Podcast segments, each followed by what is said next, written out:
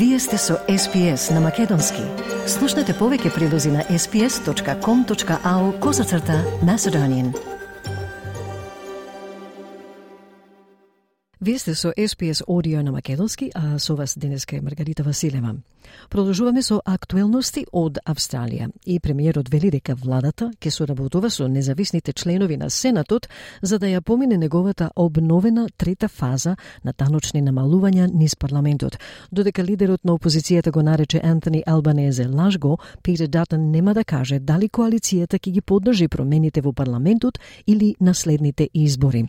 Подетелно од прилогот на Пабло Винјалес и Кјара Хейн за SBS News. Дискусиите околу третата фаза на намалување на даноците потикнаа две групи, оние што ја продаваат идејата и оние кои се против. Премиерот Антони Албанезе е меѓу оние што им ја предочуваат идејата на австралиците, велики ова е вистинска одлука што се прави од вистински причини, предложен, калибриран, разумен пакет. This is the right decision being done for the right reasons. We have put forward what is a calibrated, sensible package.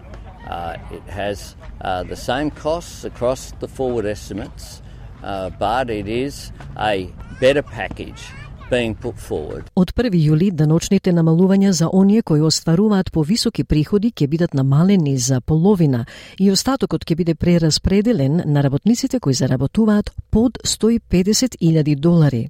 Еден просечен приход ќе добие намалување на данокот од 800 долари според новиот план.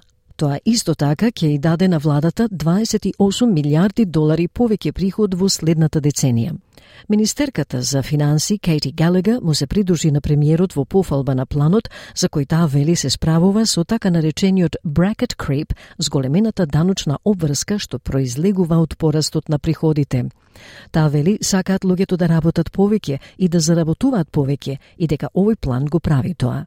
Важно е да се подлече, вели Министерката за финансии, дека од 1 јули 11,5 милиони австралици ќе добијат поголемо намалување на даноците. We've again thought about this carefully. Our plan actually deals with bracket creep. It particularly does it right throughout the income scale. So we have a very broad view of aspiration. We want people to work more and earn more, and this plan does that. But importantly, from the 1st of July, it gives people more money in their pockets. You know, 11.5 million Australians will get a bigger tax cut, and that's what's been motivating us. It's about cost of living and people before politics. Оние од спротивната страна на дискусијата веруваат дека федералната влада ги излажала австралиците, бидејќи првичниот план ветуваше поголемо намалување на даноците за оние кои заработуваат повисоки приходи.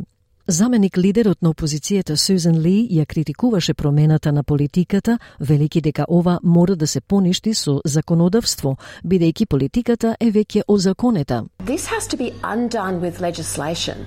This is already legislated, and that's a key difference between some of the things that people have been comparing this with. It's really important to understand that. And the other thing is, if, if you're struggling today, there's nothing in this announcement that's going to help you today.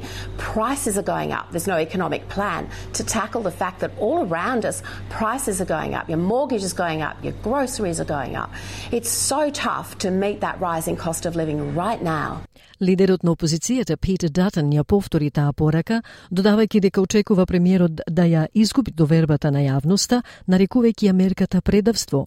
Тој додаде дека повеќето австралици не сакаат премиер кој ќе ги погледне во очи да им каже едно, а потоа да го направи сосема спротивното. Just a major break of trust, it's a betrayal, uh, and the Prime Minister promised this on over 100 occasions. This is not just some throwaway comment that he made at a press conference. This is a, you know, my, my word is my bond and uh, continue to repeat it. I just think most Australians don't want a Prime Minister who looks them in the eye, tells them one thing and then does completely the opposite. Господинот Датен дури повика на предвремени избори, но господинот Албанезе вели дека тоа би било невозможно поради што најраниот избор е август 2024 година, а даночните намалувања ќе стапат на сила на 1 јули.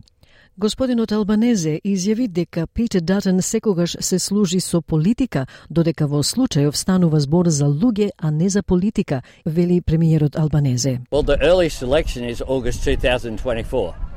So you work it out.